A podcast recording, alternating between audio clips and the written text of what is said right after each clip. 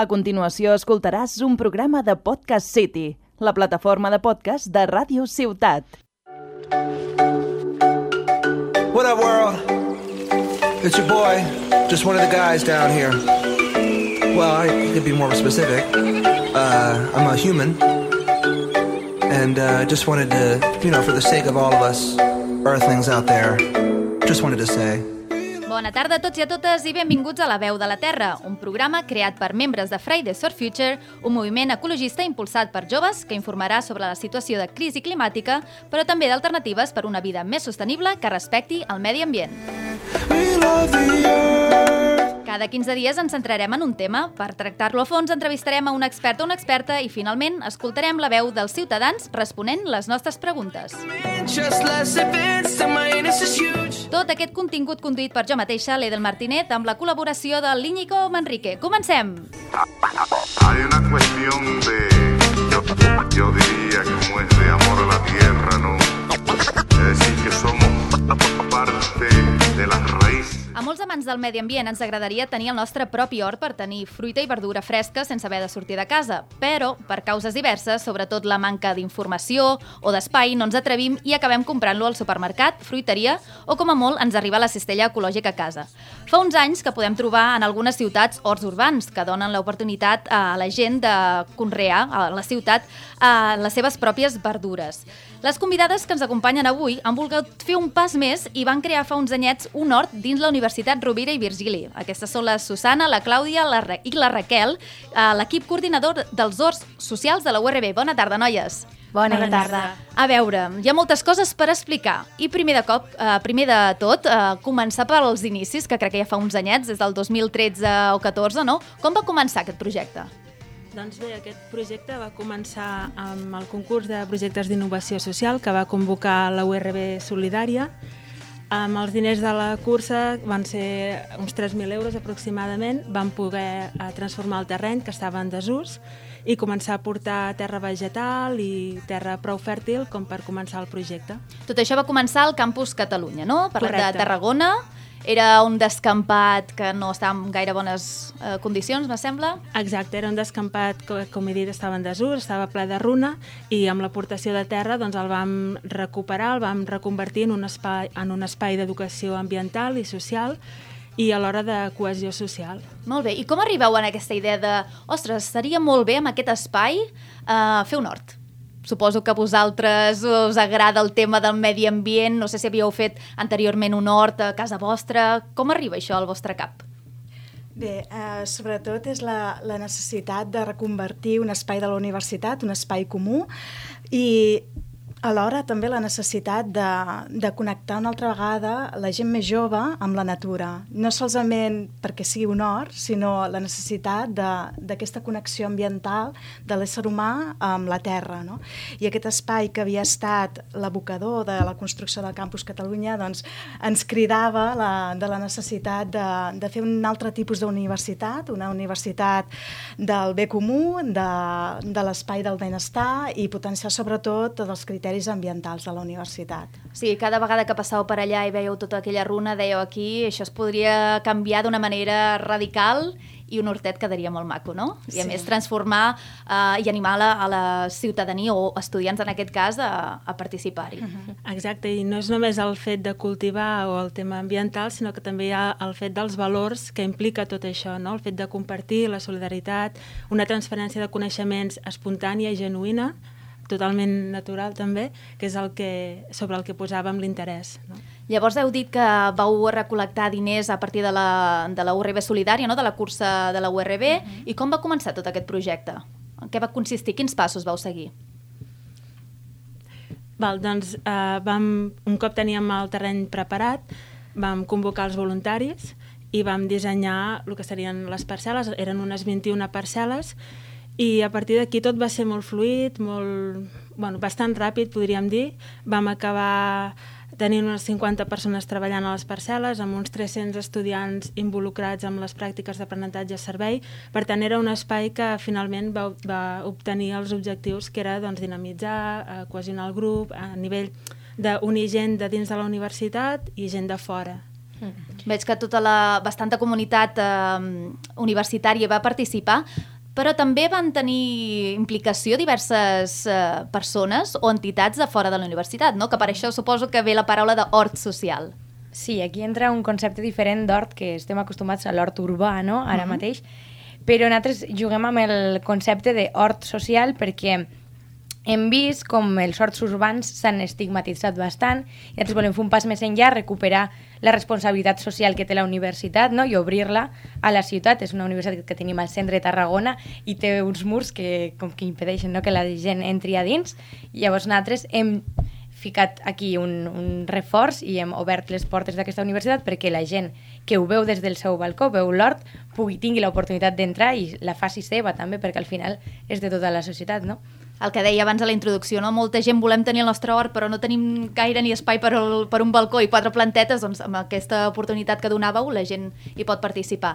Ara estàvem parlant del Campus Catalunya, que això va començar fa bastants anyets, però eh, us heu traslladat al Campus Vallicens de Reus, no? Quins són els motius i com ha anat aquest eh, pas cap a l'altra ciutat? Bé, bàsicament, eh, la idea dels horts socials ORB eh, volíem que, que s'expandís, no? arrel de l'experiència del campus Catalunya, s'expandís als altres campus de la universitat, de manera de, de poder ser, fer partíceps a la resta de la comunitat universitària doncs, eh, aquest espai d'aprenentatge ecosocial que volíem que fos. No? Independentment de l'espai físic, era més l'esperit del projecte. No?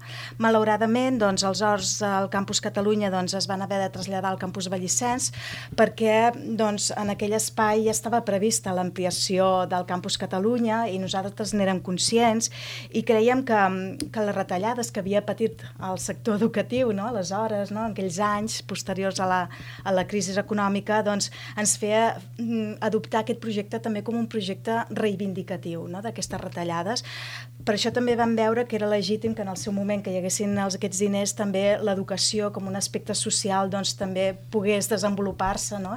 I la idea, doncs, va ser, bueno, doncs, deixem els horts socials al Campus Catalunya, però el projecte no s'ha acabat. El projecte com a comunitat que havíem creat mm. eh, va seguir amb aquest llegat i es va traslladar eh, el que és avui els horts socials a Vallissens. No? I la idea és que doncs, en el futur doncs, puguem traslladar aquest mateix projecte a la resta de campus de la universitat.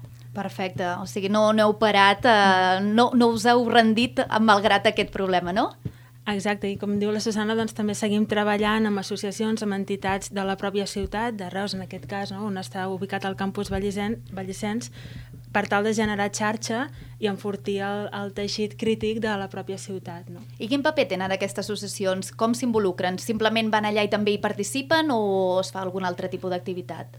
Doncs és molt obert. Cada associació té uns objectius diferents o pot aconseguir uns beneficis eh, concrets, no? per exemple, més aviat terapèutics o inclús a vegades els interessa més el tema del cultiu de la verdura per un tema d'autoconsum. Mm -hmm. Depèn de cada, de cada cas. El que sí que està clar és que és superobert, que som creatius, que volem que això sigui un laboratori i que totes les propostes que arribin les atendrem amb, amb el major carinyo possible.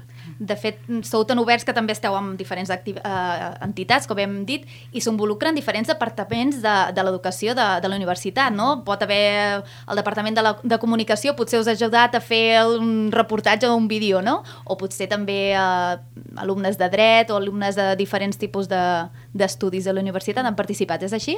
Sí, exacte. La metodologia que, que s'utilitza és l'aprenentatge-servei, que permet al professorat treure els estudiants de l'aula, aplicar els coneixements amb, revertint amb un benefici social. No? I aquesta metodologia doncs, que mm, l'URB ha potenciat ens ha permès que els estudiants puguin eh, beneficiar el projecte, eh, doncs, com tu has dit, a través, per exemple, els estudiants de comunicació, a través d'un treball de, de fi de, de, de grau van elaborar un vídeo, els estudiants d'arquitectura van aplicar els seus coneixements a l'hora de planificar el terreny dels horts, els estudiants d'enginyeria hidràulica doncs, van aplicar els seus coneixements per un sistema de rec eficient i que ens ajudés a estalviar l'aigua, etc. No? Els estudiants de dret també hi han participat fent una, una guia normativa no? de, de bona conducta no? per per també regular no?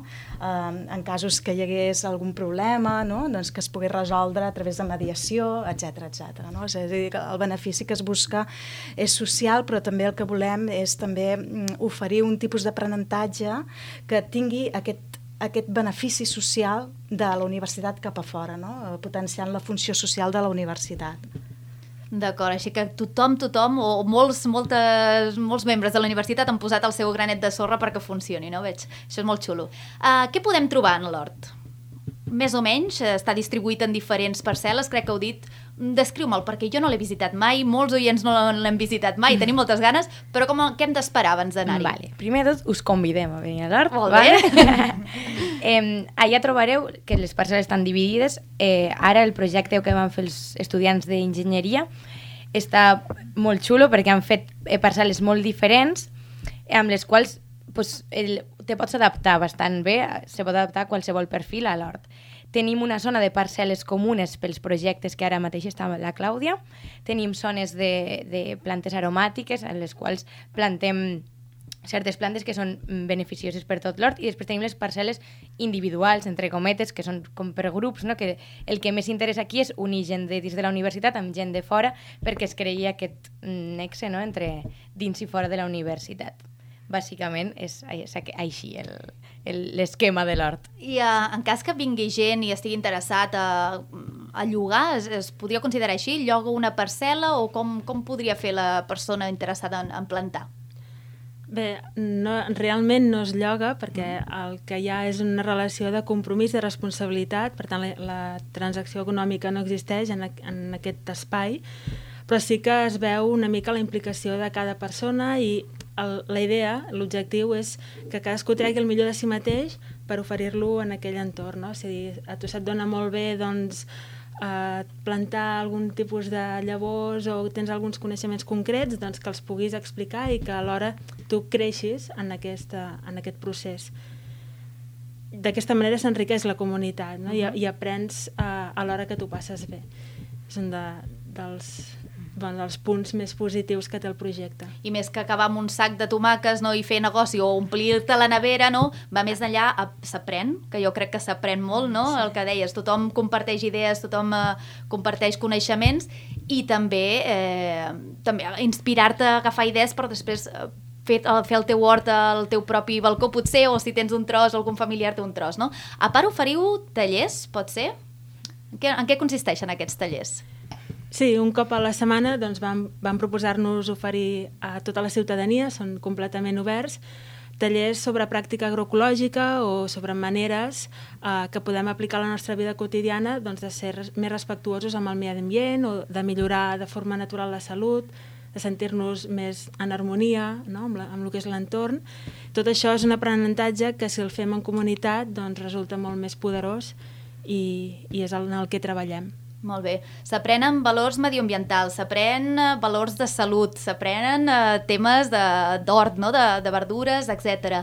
Um, per saber així en resum, uh, què es consideraria necessari per tenir un hort urbà ecològic, sobretot pel tema ecològic, perquè molta gent ja quan li parles de qualsevol producte ecològic o plantar de manera ecològica, uf, això és molt difícil, segur que em venen plagues, és molt complicat. És tan complicat com diuen? Bé, la... O s'ha de tenir paciència o saber-ne, suposo? Bé, una de les claus, jo crec que és també dels motius pels quals va, es van impulsar els horts socials del revés, la recuperació de coneixements que tenen moltes persones grans no? i que malauradament s'estan perdent no? per aquesta desvinculació que hem tingut amb el camp, des del camp a la ciutat, no? i que mm, realment no són tècniques ni difícils, és entendre la natura, la relació harmònica que deia la Clàudia, no? que existeix dins de la natura i aprendre d'aquesta natura. No? Moltes de les tècniques que nosaltres intentem eh, ensenyar, moltes persones grans ens les han ensenyat a nosaltres. Nosaltres hem après també en aquest projecte, intentem transmetre, recuperar aquests coneixements eh, respectant no? el que saben les persones grans i que ens ajuden a entendre millor aquesta natura i la veritat és que ni representa grans diners, grans inversions, perquè no en tenim de diners i la veritat és que eh, col·laborativament el que fem és una creació d'un espai que ens beneficia mútuament, no? i alhora que recuperem doncs, valors vinculats a la terra. No? I això és la, realment l'agroecologia que volem recuperar. No? Exacte, i és que la terra en si mateixa ja és abundant, no? Només cal saber com cuidar-la i no estar obsessionats amb el resultat, no? Que a vegades sembla que vulguem obtenir els millors tomàquets, el millor enciam, quan a vegades Uh, bueno, si, hi ha una, un, si podem agafar unes fulles d'enciam, doncs les agafarem, si podem agafar una mica de julivert, l'agafarem, i és com, bueno, el que et dona la natura, doncs uh, ho acceptes i, i ho agraeixes, sense sí, voler... de vegades tenim la inèrcia no? d'utilitzar, si veiem que, ha, que té una plaga o alguna malaltia, no utilitzar ja els sprays, que així acabarem ràpid, no? Mm. I potser si pensem d'una altra manera, potser amb la introducció d'un altre insecte, insecte, tipus una marieta, no? Pels meus pocs coneixements, sí, sí. recordo no? que amb la introducció de marietes a l'hort pot combatre problemes que ens podem trobar i no utilitzar productes tòxics i, és el que dius. Tenim una mentalitat que l'hem d'anar canviant, no crec? Exacte. Molt bé, perfecte. Quins plons, quins uh, idees, quines idees de futur teniu uh, properament a l'hort? Sobretot, i el que, en el que els estem enfocant ara, és crear xarxa a nivell de ciutat, a nivell d'associacions, que això també és un procés que va lent però que és clau, Eh, per altra banda, ampliar el projecte als, als majors campus de la universitat possible, és a dir, si podem tornar a arribar al campus Catalunya seria genial, si podem arribar inclús a ses salades a Tarragona també seria perfecte, i ja sent molt ambicioses, doncs, per què no a Tortosa, com un projecte uh, propi de, de la URB, i que, bueno, que també implica una sèrie de principis i de valors relacionats amb l'educació. Doncs uh, espero que molta gent estigui eh, escoltant-nos, que s'animin a venir a, a construir aquesta, aquesta xarxa per després inspirar-se i realitzar el seu propi hort o el que sigui, ni que sigui unes torretetes plantant quatre tomàquets a casa seva perquè val molt la pena. Uh, noies, alguna cosa que voleu destacar, almenys saber com podem contactar amb vosaltres per si ens volem animar? Mm, esclar, ens podeu enviar un correu a hortsocials.urb ho diu bé la Raquel, que ho diu així me, pensa, me pensa que no ho he dit bé, Clàudia. Seria hortsocials arroba urb.cat. Això. Si no, Horts Socials URB al Google, segurament Exacte. Horts Socials arroba urb.cat. Doncs, noies, uh, moltes felicitats per aquest projecte fet realitat ja. Uh, endavant, espero que s'estengui per diferents universitats, almenys a les de la URB, i molta sort, de veritat. Ens veiem i em comprometo a visitar-vos algun dia. Val? Moltes gràcies, Moltes gràcies. Vinga, gràcies. El ser humano es extraordinario. Ha conseguido reventar este planeta. Hemos hipotecado el calendario, si supiera que llevarme haría las maletas. Doncs després d'aquesta superentrevista tenim el Íñigo Manrique aquí al micròfon. Bona tarda. Bona tarda. Que com sempre, suposo, si no ha passat res, ens portes tres preguntetes que has fet a la ciutadania, no? Suposes bé. Suposes bé, bé, bé, bé. Doncs digue'm, suposo que també va sobre el tema dels horts i verdures o has canviat de tema? També, també. Ai, I t'he de dir que m'encanta aquest tema, ja t'explicaré després. Molt bé, molt bé. Mira, la primera pregunta que hem fet és on compres les eh, frutes i verdures al supermercat, al mercat, cistella ecològica i per què? Normalment jo compro la fruita i la verdura a, a la fruiteria, a la fruiteria del barri. Eh, normalment intento que sigui de proximitat i no compro ecològic perquè és massa car i, i no em surt a compte. Eh, perquè, doncs clar, si al final de mes va sumant gastos de verdura ecològica, doncs és, és molt car. Les fruites i verdures les compro sovint en, en una comanda d'una cooperativa de proximitat i ecològic consum. A les hores de supermercat de tant en tant, molt de tant en tant. I uh, resulta que al mercat del meu poble doncs, no, no em va bé d'anar-hi, no, no està prou... no té prou activitat, no està prou viu. I de cistelles ecològiques eh, són les que fem, fem la comanda. Així que m'estalvio temps i, i ho arreplego tot d'una vegada amb reordenar la comanda. Al mercat, perquè m'agrada més la fruita i la verdura, perquè és més fruita i més verdura, no plàstic. Compro les fruites i verdures a la cistella ecològica, que doncs, bueno, és una noia que els seus pares tenen, bueno, són pagesos i reparteixen cistelles molt bé de preu i per què ho faig? Doncs perquè apo, bueno, estic apostant per productes de proximitat i per ajudar doncs, a la gent que treballa a la terra i que viu a prop de casa. Com te quedes que ningú compri al súper? Mm, és veritat que l'altre noi, el primer noi, ha dit a fruiteria. Ara m'havia confós Fruiteria, ja. mercat i dos eh, cistelles ecològiques. Prou bé, però potser, com sempre dic, potser és perquè preguntem a amics al nostre voltant, no sé, no sé, perquè la gran majoria... Ara, em diria- sorprèn una cosa que diu un noi que és massa car. La... Sí, aquesta és la visió que es té perquè productes ecològics, eh, el granel i, i tot aquest tipus de productes, hi ha la visió que sí és més car. Potser alguns sí que són més cars, que val la pena, però no tots, no tots. I cal buscar també, t'estalvies temps, com bé ha dit un, un noi, eh, el segon, t'estalvies temps, no cal que vagis al supermercat o mercat o el que sigui, eh, demanant la cistella ecològica, que per mi és la millor manera. No sé que vagis al mercat, a una botiga on venin també productes ecològics, però per temps i per comoditat i qualitat, no? La cistella podria ser la millor. Jo crec que um, aquest noi es confon una mica amb lo de que seria la, lo de fruita i verdura ecològica, perquè sí que és veritat que hi ha tendes que, Que diguem que són una no? mica de moda o de lo que sigui eco, i de vegades l'etiqueta eco no és la que, Mhm. el que ens diuen. Vale? Per això s'ha d'analitzar una mica el mercat i veure que realment no és tan car com sembla.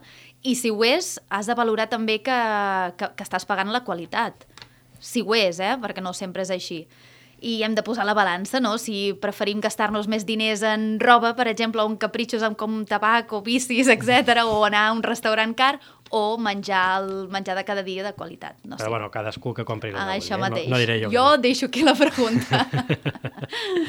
Segona pregunta. a veure, Els hem preguntat si creus que és important comprar aliments ecològics i de proximitat. I per què? escoltem. Crec que és molt important comprar aliments eh, de proximitat perquè així doncs, ajudes a doncs, el que deia abans, els pagesos que, que viuen a prop de casa teva. També són productes de gran qualitat perquè no han estat tan refrigerats en, bueno, a les neveres dels camions fent molts quilòmetres i ecològics no ho sé, perquè ja el planeta Terra està tan contaminat que no ho sé, però de proximitat sí, que sí, és, és, això és molt important, almenys per mi. Sí que és important comprar aliments ecològics i de proximitat, que hem de defensar el, el nostre petits autònoms, els nostres botiguers, el nostre territori, i és la nostra font d'economia, la de- d'aquí a prop, i entre nosaltres propis, els nostres veïns, la nostra comunitat l'hem de- d'enfortir. Així que... I cada vegada hi ha més, més lòbits o més grans superfícies que, que bueno, posen, posen obstacles. A més que empitjoren les seves condicions d'ells i de nosaltres en general, a llarg plaç. Ecològic és més bo i més san i, bueno, i millor que guanyem els diners los d'aquí que els de fora, no? comprar aliments de proximitat i, i ecològics doncs sempre per un costat fa que els aliments saps que són de millor qualitat, que tenen millors propietats, i, o sigui, totes les propietats, i que siguin de proximitat doncs també fa impulsar el negoci de la zona on la que vius. Llavors, eh, sí, crec que és molt important. Molt bones respostes, molt bones respostes, perquè a part de que sí que estem impulsant no, el negoci de la, del nostre territori, no contaminem i no, tots aquests productes no, no viatgen de, des de l'altra punta del món, cosa que provoca aquesta contaminació d'avió, de vaixell, del que sigui, no? Bueno, ho tenen clar, que ajuden a lo que serien els pagesos locals i al nostre territori i que es compra de qualitat. Això sempre... A veure, mmm, lo que... és que jo estic obsessionat amb de que és massa car, però bueno. si compres qualitat, doncs, bueno, mm, és més sa eh, i ho agraeixes després. Clar, no? el, el teu cos t'ho agrairà, no?, al cap i a la fi. Per això deixava la pregunta abans, s'ha de posar la balança que, quins, quines coses eh, són més importants per tu, no? Mira, volia destacar el comentari de la primera noia que diu eh, que s'ha fet la pregunta, no? Ha adoptat productes ecològics i diu si el planeta Terra està contaminat, no? Hmm. Mm, Sí i no. Això també he participat en diferents converses no? amb gent de per aquí, que estem rodejats de petroquímiques, hi ha molta contaminació, etc. Però crec que sí que és veritat que potser no són 100% ecològics, perquè suposo que absorbeixen la contaminació, no?, aquests productes, però, ostres, eh, s'està estalviant eh, diferents productes, que ara no em sortien els noms, no? que, que sprays i coses per, per evitar les plagues, per mm, que creixi més ràpid, tots aquests temes s'ho estalvien, si no... Bueno, de fet, el, el source ecològic és per això. És sense productes i bueno, intentar Mhm. fer tot el natural que possible. Sí, sí, almenys el més natural que pugui ser dins de l'àrea on vivim, no? Anem a la següent pregunta. Ah, anem... Mira, els hem preguntat si t'agradaria aprendre com cultivar el teu hort. A mi sí. jo ja es responc, anem a veure el, els de més. Sí, m'agradaria molt. Més que res, perquè seria natural, sabria que no estaria manipulat per ninguna persona i, bueno, i el que seria tema també econòmic I, i més que res per el gust, que és diferent. La veritat que per cultivar el meu hort no tinc paciència o temps. Eh, ja he intentat de, de tenir cura de plantes i, i hauria de fer-ho amb més atenció, més temps i millor. De, aleshores, si, si d'alguna vegada ocasionalment participo amb l'hort, i podria ser, però tant com per fer-me càrrec, eh, no. Jo en el meu cas tinc, tinc una terrassa i en el seu moment ja vaig intentar cultivar diversos aliments. El que passa que no, tinc, no soc gaire constant en això. Però sí, sí que sempre aprendre a cultivar i a doncs, tindre recursos d'aquest tipus doncs ho trobo molt, molt interessant. La veritat és que mai m'ho he plantejat, això de cultivar el meu hort, perquè, bueno, zapatero a tus zapatos, no? Jo crec que cadascú s'ha de dedicar a lo seu, hi ha gent que, que sap molt de la terra i prefereixo comprar-li al pagès. Doncs a mi, com, tal com t'he dit, jo en responc, eh, perquè tinc moltes ganes de respondre, que a mi m'encanta tot això, estic aprenent, no en sé, m'encanta però no en sé, i tant de bo en el futur tinc una casa amb una mica de balcó, Mm. perquè és que no tinc ni balcó. Llavors, en el poc espai que tinc, he intentat, un dia vaig intentar plantar uns tomàquets xerris, però es veu que no toca el sol suficient no, i no, o, o no en sabia I suficient. tindràs més paciència que els que hem entrevistat, perquè han Espero coincidit que tots. sí, espero que sí. I si no, mira, almenys ho he provat i he après, no? Que tot, tot l'après és benvingut. Mm, jo crec que mínim una vegada s'ha de provar, encara que no sigui a casa teva i bé, per això estan els horts socials com els que acabem d'entrevistar, no? Per això et donen aquesta oportunitat d'ensenyar-te, d'experimentar, de- d'aprendre i jo crec que és bonic I, i encara que la gent no li agradi jo crec que és interessant saber d'on prové i com se fa i com ho fan els, els pagesos perquè no és una tasca fàcil i també per entendre els diners que estem pagant uh, per un pebrot, per exemple, no? Que és, ostres, que, que costa, costa i mm, necessites el teu temps. I després els diners que els hi arriben són mínims. Mira, volia eh, destacar un comentari que crec que ha sigut la primera, si no recordo malament, que diu natural, no manipulat i econòmic.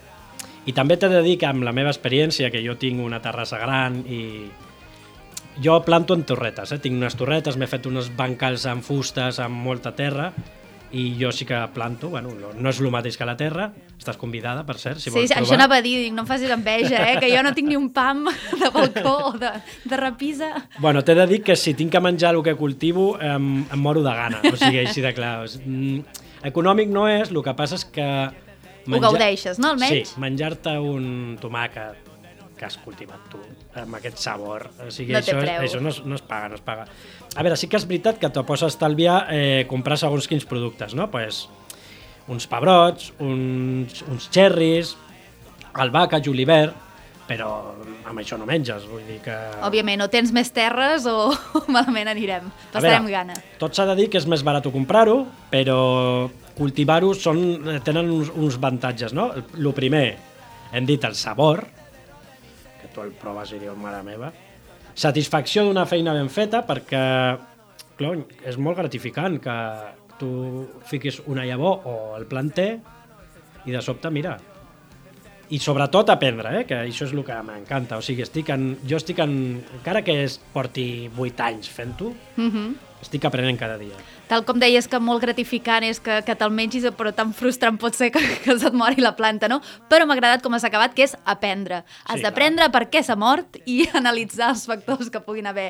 Potser és culpa teva, potser és de cosa de la zona on està, potser és la temperatura, etc. no? A veure, frustrant no és. O sigui, ja A mi que se'm va, se m'ha mort. A mi quan se'm van morir les cherries em vaig frustrar molt i no ho vaig tornar a intentar. Mira què et dic. Però bé, ja hi tornaré. Hi tornaré. Bueno, tens una invitació, que ho sàpigues. D'acord, me l'apunto. I els que escolten aquest programa també tenen una invitació per fer un feedback amb nantros, que seria o a Twitter o a Instagram amb la, el compte arroba la veu de la terra. Doncs els convidem a que deixin comentaris, preguntes, dubtes, qualsevol cosa. I fins aquí, Íñigo, ho Fins deixem. aquí. Ens veiem la setmana que ve, no l'altra, amb més temes. Moltes gràcies. Adeu. What up, world? It's your boy, just one of the guys down here. Well, I could be more specific. Amb aquesta cançó començàvem i amb aquesta cançó acabarem. Moltes gràcies a tots i a totes per escoltar la veu de la Terra. Esperem que passeu un bo, una bona setmana i recorda, sigues el canvi que vols veure en el món. Fins la propera!